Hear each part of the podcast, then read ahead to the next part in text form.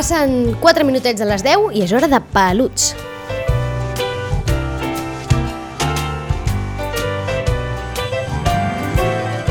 Un espai que dediquem als animals de companyia, als nostres animals de companyia i que fem amb la nostra perdó, atòloga de referència, Valentina Mariotti, molt bon dia. Buenos días. Com estàs? Muy bien, de primavera. De primavera, de primavera, ja sentint que la primavera s'apropa. I avui anem a parlar de gats, perquè darrerament, com que ens centrem molt en els, en els gossos, no? perquè moltes vegades són els que probablement eh, porten més dubtes dels, eh, de, les, de, de les persones, no? Però, clar, hi ha molta gent que té gat. El gat és l'altre gran animal de companyia i sempre tenim la sensació que amb que amb els gats no cal fer res, no? Sembla que els gats ja s'espavilen i Valentina, entenc que d'entrada hem de dir que això no és ben bé. No, no, no es para nada así. De hecho, eh, con los gatos hay que tener eh, muchísimo más cuidados en términos de gestión del ambiente, de pautas. Lo que sí es muy diferente es el comportamiento general. Siempre lo comentamos, el, el perro es un animal social, es un animal gregario y, por ejemplo, pues es muchísimo más tolerante a determinados errores de manejo que podamos cometer. Mientras el gato eh, no perdona tanto. rancorós. Sí, bueno, más que rencoroso, que, que es eh, un sentimiento más humano, ¿eh? Los, los Sí. animales no experimentan rencor, ni, ni rabia, ni recelo, eh, ni venganza. Eh, esos son sentimientos totalmente humanos. Y lo que sí manifiestan es eh, pues sufrimiento, estrés, eh, pues tienen aprendizajes aversivos, significa que pues cuando tienen una mala experiencia intentan evitar una situación, pero no lo hacen nunca por venganza, siempre lo hacen por una razón y de peso. Y, de hecho los, los gatos en ese sentido son bastante más delicados eh, y pueden prescindir de- del ser humano. Esa es la diferencia fundamental entre un perro y un gato. No es que el gato sea más independiente, más solitario, que, que también es cierto, eh, que, que establece unas relaciones distintas con, con otros gatos y personas, sino que es muchísimo mm, más intolerante, por ejemplo, pues a pautas de manejo equivocadas, a castigos eh, por parte de los dueños, a gestos que, que hagamos, y desde luego es mucho menos tolerante a la introducción de un nuevo individuo en la casa, que es un poco el tema que queremos tratar hoy. D'acord, per tant, em, si algú té pensat o li agradaria tenir un gas, un gat, parin atenció perquè avui d'alguna manera Valentina ens parlarà de com preparar bé la casa, la família per l'arribada d'un gat, no? És a dir, que sí que requereix una certa preparació pel que estàs explicant, eh? És a dir, no, no, no ha de ser tan fàcil com agafo aquell gatet, el fico a casa i m'oblido de tot. Hem de preparar la casa i hem de preparar la família. Perfecto, pues eh, efectivamente, eh, cuando pensamos adoptar un, un felino, eh, tenemos que primero tener en cuenta si se trata, como siempre, de un gato joven, de un gatito, de un cachorro, en pocas palabras, o de un gato adulto que tiene ya unos hábitos eh, adquiridos y dependiendo de dónde venga, también determinados aprendizajes y experiencias previas. Eso implica que si es un gatito pequeño, recién destetado y que todavía eh, tiene, digamos, mucho más margen a nuevos aprendizajes, nuevas experiencias, la parte más importante es habituarle a todas aquellas situaciones a las que luego se enfrentará en la nueva casa, en la nueva vivienda cuando adulto. Y el primer aspecto a tener en cuenta es la preparación del territorio. Tanto si es un gatito pequeño como si es un gato adulto, tenemos que pensar que los primeros días el gato sufrirá una cierta reacción de adaptación, que es parecida a una reacción de estrés. Es como cuando nosotros nos mudamos, ¿no? que es una de las causas de estrés Home, eh, i tant! en humanos, exacto. Pues para un animal, un cambio de ambiente, aunque sea de uno malo a uno muchísimo mejor, siempre supone una respuesta de estrés. Por tanto, ¿cómo se gestiona en un felino esa respuesta de estrés? Fundamentalmente dejando al gato tranquilidad, espacio y falta de interacciones forzadas. Es decir, dejamos que sea el gato quien decida cuándo y cómo acercarse a las personas que viven en la, en la casa y explorar el entorno eh, donde va a vivir. Por tanto, mi recomendación es mm, preparar un espacio dentro de la vivienda donde no haya mucho tránsito de gente. Una habitación, un rincón de la casa. Y en ese espacio eh, tener preparadas diferentes cosas. Primero, pues eh, evidentemente agua y comida en, en, varios boles, no solo uno, sino, sino varios, varios puntos de, de bebida per què? Per què en varis? Per què en diferents punts? Sí, porque, porque el, el gato, que es un depredador solitario, eh, es un animal que necesita comer, picotear varias veces al día. No es como un perro que tiene una pauta de alimentación racionada, significa que cuando caza grandes uh -huh. presas come grandes cantidades, sino que el gato normalmente caza presas pequeñas y, y las va consumiendo a lo largo del día. Su metabolismo también está preparado para comer varias veces al día.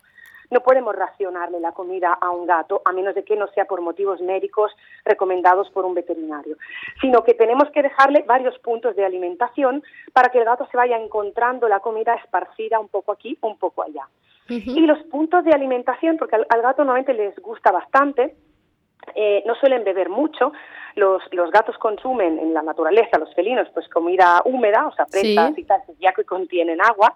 Entonces, para facilitar que ingieran una cierta cantidad de, bebida, lo interesante es ponerle varios puntos, hasta incluso yo recomiendo como, como etóloga ponerles, por ejemplo, estas fuentes de ciclo cerrado de agua, eh, pues para que al, gato le guste estar observándolas, de hecho relajas como la pecera en el dentista, ¿no? Para nosotros. Sí, sí, sí. Y, recomiendo poner esas, esos puntos, esos bebederos de agua que corre, porque al gato normalmente les llama bastante la atención y además eh, ponerle em, esos, esos bebederos o comederos en sitios eh, un poco escondidos o elevados para que el gato vaya explorando y de esa manera nosotros proporcionaremos al, al gato unos estímulos tróficos, se llaman enriquecimiento trófico, y haremos que a poco a poco podamos, por ejemplo, mover estos puntos de alimentación y de bebida hacia nuevos lugares de la vivienda. Entonces, primero, eh, acotarle un espacio, una habitación de la, de la vivienda, de la casa, poniéndole varios puntos de alimentos y de bebida en ello. Eh, proporcionarle, evidentemente, eh, su cajita, su bandejita para, para hacer sus necesidades de, de, arena y recomiendo que no sea perfumada, em, que sea de estas aglomerantes porque pues es más fácil de limpiar y no deja olores en el, en el resto de la, de la bandeja, que sea la bandejita destapada, amplia, no, no cubierta, no tapada. Ya sé que a los dueños nos gusta más tenerlo recogido, pero al gato no le gusta mucho tener que entrar en un zulo, en un sitio, pues para hacer sus eliminaciones. Es mucho más fácil eh, para él entrar en una bandeja de bordes bajos, cómoda, amplia, donde pueda darse media vuelta y, ahí eliminar. Eso por lo que concierne pues la, la bandeja de, de sus necesidades. Y siempre recomendamos tener un par. ¿Por qué? Porque una, un día puede estar un poquito más sucia, el gato es bastante escrupuloso en ese sentido, y para que no aparezcan problemas de eliminación fuera de sitio, pues lo mejor es que tenga un par de opciones por donde hacerlo. En tercer lugar, eh, pues lo que recomiendo es que hayan rascadores, eh, objetos que el gato pueda marcar con las garras, porque las garras la función del marcaje con las garras no es afilarse las uñas, como muchos pensamos. Eh, simplemente es dejar una marca tanto visual como de olor a través de las feromonas, que son unas sustancias que el gato mm, produce, secreta, igual que otros mamíferos, incluso los humanos. Igual que los hombres, sí, sí. Exactamente. pues deja como marca, tanto visual como olfativa, en el territorio. Entonces es una manera de hacerlo suyo, no? Entonces el gato necessita fer esa conducta. I entenc no que és interessant també perquè si no ho farà al sofà, és a dir, si no li posem, si no li posem un rascador buscarà allà on fer-ho, ¿no? Eso es, perfecto. Se trata precisamente de no inhibir o eliminar una conducta, sino redirigirla hacia objetos o situaciones que resulten aceptables, que no sean molestas, porque evidentemente el hecho de que el gato se enganche a las cortinas y le haga un 7, pues no es muy agradable. Y, y casi siempre eh, esos rascadores, cuando los veo en las viviendas de, la, de los domicilios que visito, están en sitios, en rinconcitos, ahí detrás de la puerta, en la última habitación, y no, desgraciadamente el rascador tiene un sentido que es eh, que el gato pueda marcar el espacio central del territorio eh, y donde todo el mundo que pasa tiene que poder eh, oler la marca, ¿no? Entonces eh, tenemos que poner un rascador, en un principio, en una zona donde os he dicho de acondicionarle para el nuevo animal. Pero en, en segundo momento, este rascador tendrá que ocupar un lugar céntrico de la casa, justamente para evitar que el gato tenga la necesidad de marcar como lugar céntrico de la casa, pues el marco de la puerta del salón eh, o el sofá o, por ejemplo, pues otros objetos que se encuentren a su alcance i que ocupen un puesto importante en la vivienda. Per tant, quan el vagin a comprar, que els hi agradi estèticament, perquè això acabarà al mig del menjador amb molta probabilitat. Per tant, Sí. que no, no, que no els molesti a la vista d'una manera estètica, perquè això haurà d'acabar al mig de la sala o d'allà on convisquin, eh?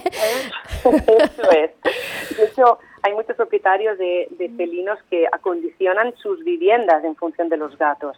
Y son, debo decirlo, bastante más cumplidores que los propietarios de los perros Clar. siguiendo las indicaciones y las pautas. Eh, és que, i entenc que ha de ser així, no? És a dir, que hem d'entendre que de la mateixa manera que quan ve un nadó, no? un nadó bebè, humà, a casa, acondiciones la casa, no? Doncs poses eh, eh, el braçolet o el que sigui, no? Treus les coses de perill, la, la, les cantonades dels mobles les cobreixes amb aquells protectors, de la mateixa manera que fem això, quan arriba un animal, en aquest cas un gat, també ho hem de fer, no? La nostra casa també l'hem de condicionar. Exactamente. Y, y en ese sentido, lo que yo recomiendo siempre es dejar sitios de altura para que el gato pueda vigilar desde arriba Mm. el entorno, el territorio.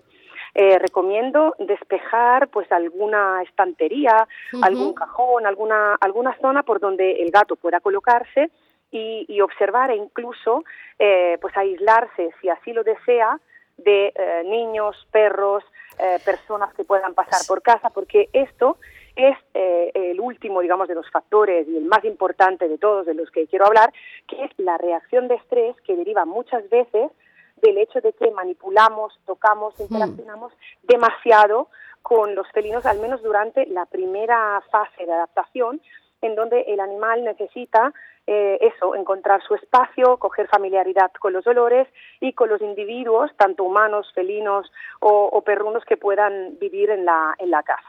Per tant, hem, hem d'entendre que necessiten el seu espai, no? És com quan nosaltres no podem dir "Necess- necessito el meu espai, el meu racó per mi, doncs els gats el necessiten, eh? Exactamente, es- y lo necesitan muchísimo más que cualquier otra especie eh, que podamos tener en, en casa como un animal doméstico. I si és elevat, millor d'elles ara, eh? Perquè els agrada estar com elevats. Sí, exacto. Le, le gusta, de hecho, los, los tanto los depredadores, los felinos y los cánidos, en- hay estudios que demuestran que, que transcurren, si pueden, más del 70% de su tiempo despiertos en lugares supraelevados, desde los cuales pueden controlar lo que pasa a su alrededor. Y también porque les confiere una sensación de, de seguridad, de control, ¿no? Evidentemente, si el gato quiere eh, eliminar, digamos, el, el riesgo de interacciones no se- deseables, busca un rincón donde generalmente solo alcanza a subirse él, ¿no? Si hay un perro, pues lo observa desde arriba como diciendo, bueno, tú ahí en los bajos y yo... I jo estic aquí dalt controlant, que de fet és una imatge habitual que veiem en les cases, eh? és a dir, el gat acostuma a estar sempre doncs, a la part alta del sofà moltes vegades, o això en, un, en una prestatgeria, dalt del televisor, quan la, la tele eren aquelles teles de tubo, no? A, dalt, que veure el gat a dalt de la, te- del televisor era una cosa bastant freqüent. Aleshores, a, tot aquest procés inicial que deies ara d'adaptar-los un espai, diferents beuradors, abeuradors, diferents eh, menjadors, tot això quant de temps ha de durar? És a dir, en quin, a partir de quin moment o quant de temps més o menys necessita un gat per, mm, d'alguna manera, sentir-se ja part de la família i poder relaxar algunes d'aquestes mesures? Eh, bien, normalmente identificamos unas dos, tres semanas como un tiempo suficiente necesario para que el animal se haga al territorio nuevo y que baje la respuesta de adaptación o de estrés que, que pueda tener al llegar a un entorno nuevo. Entonces, en esas dos tres semanas no es necesario que el gato esté encerrado, al contrario, nosotros le dejamos ese entorno acondicionado y en él alguna caja, algún armario abierto, algún sitio que él pueda ocupar y esconderse si así lo desea. No lo forzamos a salir, pero sí le vamos a empezar a dejar, por ejemplo, comida, un recorrido de comida, por ejemplo, en el pasillo, en el comedor, en la, zona donde pues, pueda, pueda encontrar más estímulos y donde el gato decida si entrar o no. Aquí el tiempo que cada individuo tarda depende muchísimo, sobre todo de su genética, De su procedencia, los gatos callejeros que vienen de gatos callejeros suelen ser más ariscos, más desconfiados y cuesta un poquito más hacerse a ellos. Pero igualmente tenemos que tener en cuenta que hay que tener paciencia, hacer una manipulación progresiva, acariciar al gato unos segundos si el gato se deja. No agobiar-lo, eh? Bàsicament, no agobiar-lo. Allò que fem amb els cadallets gossos, que els, els agobiem i vinga, i ara mimitos aquí, i ara abraçada, i no sé què, no sé què, doncs amb els gats no tant, no tant perquè no els agrada. Al contrario, puede ser contraproducente porque el gato puede pues desear eh, eh, parar la interacción, a veces dan un zarpazo, a veces te mordisquean, eh, te lo dicen también, que no están cómodos. Entonces hay que respetar muchísimo lo que, lo que el animal nos quiere comunicar ¿no? mediante determinadas conductas y no interpretar que simplemente porque nos eh, da un toque pues sea un gato agresivo. Eh, dejémosle su, su espacio y, y, pues veamos evidentemente si después esas conductas se mantienen, eh, pues evidentemente con, podemos consultar con nuestro veterinario, con un especialista, conmigo Clar, si queréis. perquè aquí la pregunta seria, si respectem aquests temps, al final segur que aquest gat serà un gat carinyós, que es deixarà tocar i tindrem aquest gat ideal que tots hem somiat, no? Però hem de fer aquesta introducció, diguem, a la llar i hem de respectar aquests temps. Yo siempre recomiendo ser muy cuidadosos, eh, evidentemente, a la hora de, de introducir un, una, un individuo en una casa. Y ahora estoy hablando, hemos hablado hasta ahora de un entorno donde, digamos, no hay otros individuos, ¿no? Me refiero a otros Sí. felinos. Pero claro, esto se puede complicar bastante más en el caso de que haya otro animal en la casa. Si, si es un otro gato, pues en la, en la entrada puede ser bastante más selectiva. Esto quizás daría para otro programa. Sí, para és el que anava a dir, perquè mira, ja arribem al temps, per tant, prenem nota i en mm, properes sessions eh, podem parlar d'això, eh, de com ja sabem com introduir, eh, com preparar d'alguna manera casa nostra i la família per l'arribada d'un gat. L'altre tema seria mm, com ho fem i què hem de fer si en aquesta casa ja hi viuen gats, gossos o altres animals, no? perquè entenc que això és un altre element diguem que condiciona eh, l'arribada de Eso es. Efectivamente, es así. Entonces hay que tener pues estos, estos primeros cuidados, preparar el entorno, preparar el ambiente, dejarle espacio, preparar una bandeja para que el gato pueda hacer sus eliminaciones, varios puntos de bebida y de comida, eh, puede ser que húmeda y seca en, en combinación, digamos, porque al gato le gusta, manipulaciones controladas, positivas, no agobiar al gato, dejarle escondites para que se pueda refugiar y esconder si lo desea, espacios tridimensionales, rascadores y juguetes de movimiento, juguetes que se cuelgan, cosas que al gato le puedan, eh, digamos, mm, estimular la parte predatoria, pero no jugar con él con las manos o con partes del cuerpo para que el gato no aprenda a perseguirnos para jugar con los pies, con las manos y aprenda a morder. Estas son eh, un poco el resumen de las indicaciones. Un, buena un resum perfecte de com preparar casa nostra per l'arribada d'un gat. Valentina, fins la propera. Moltes gràcies. Muchas gracias a saludo. Adéu-siau.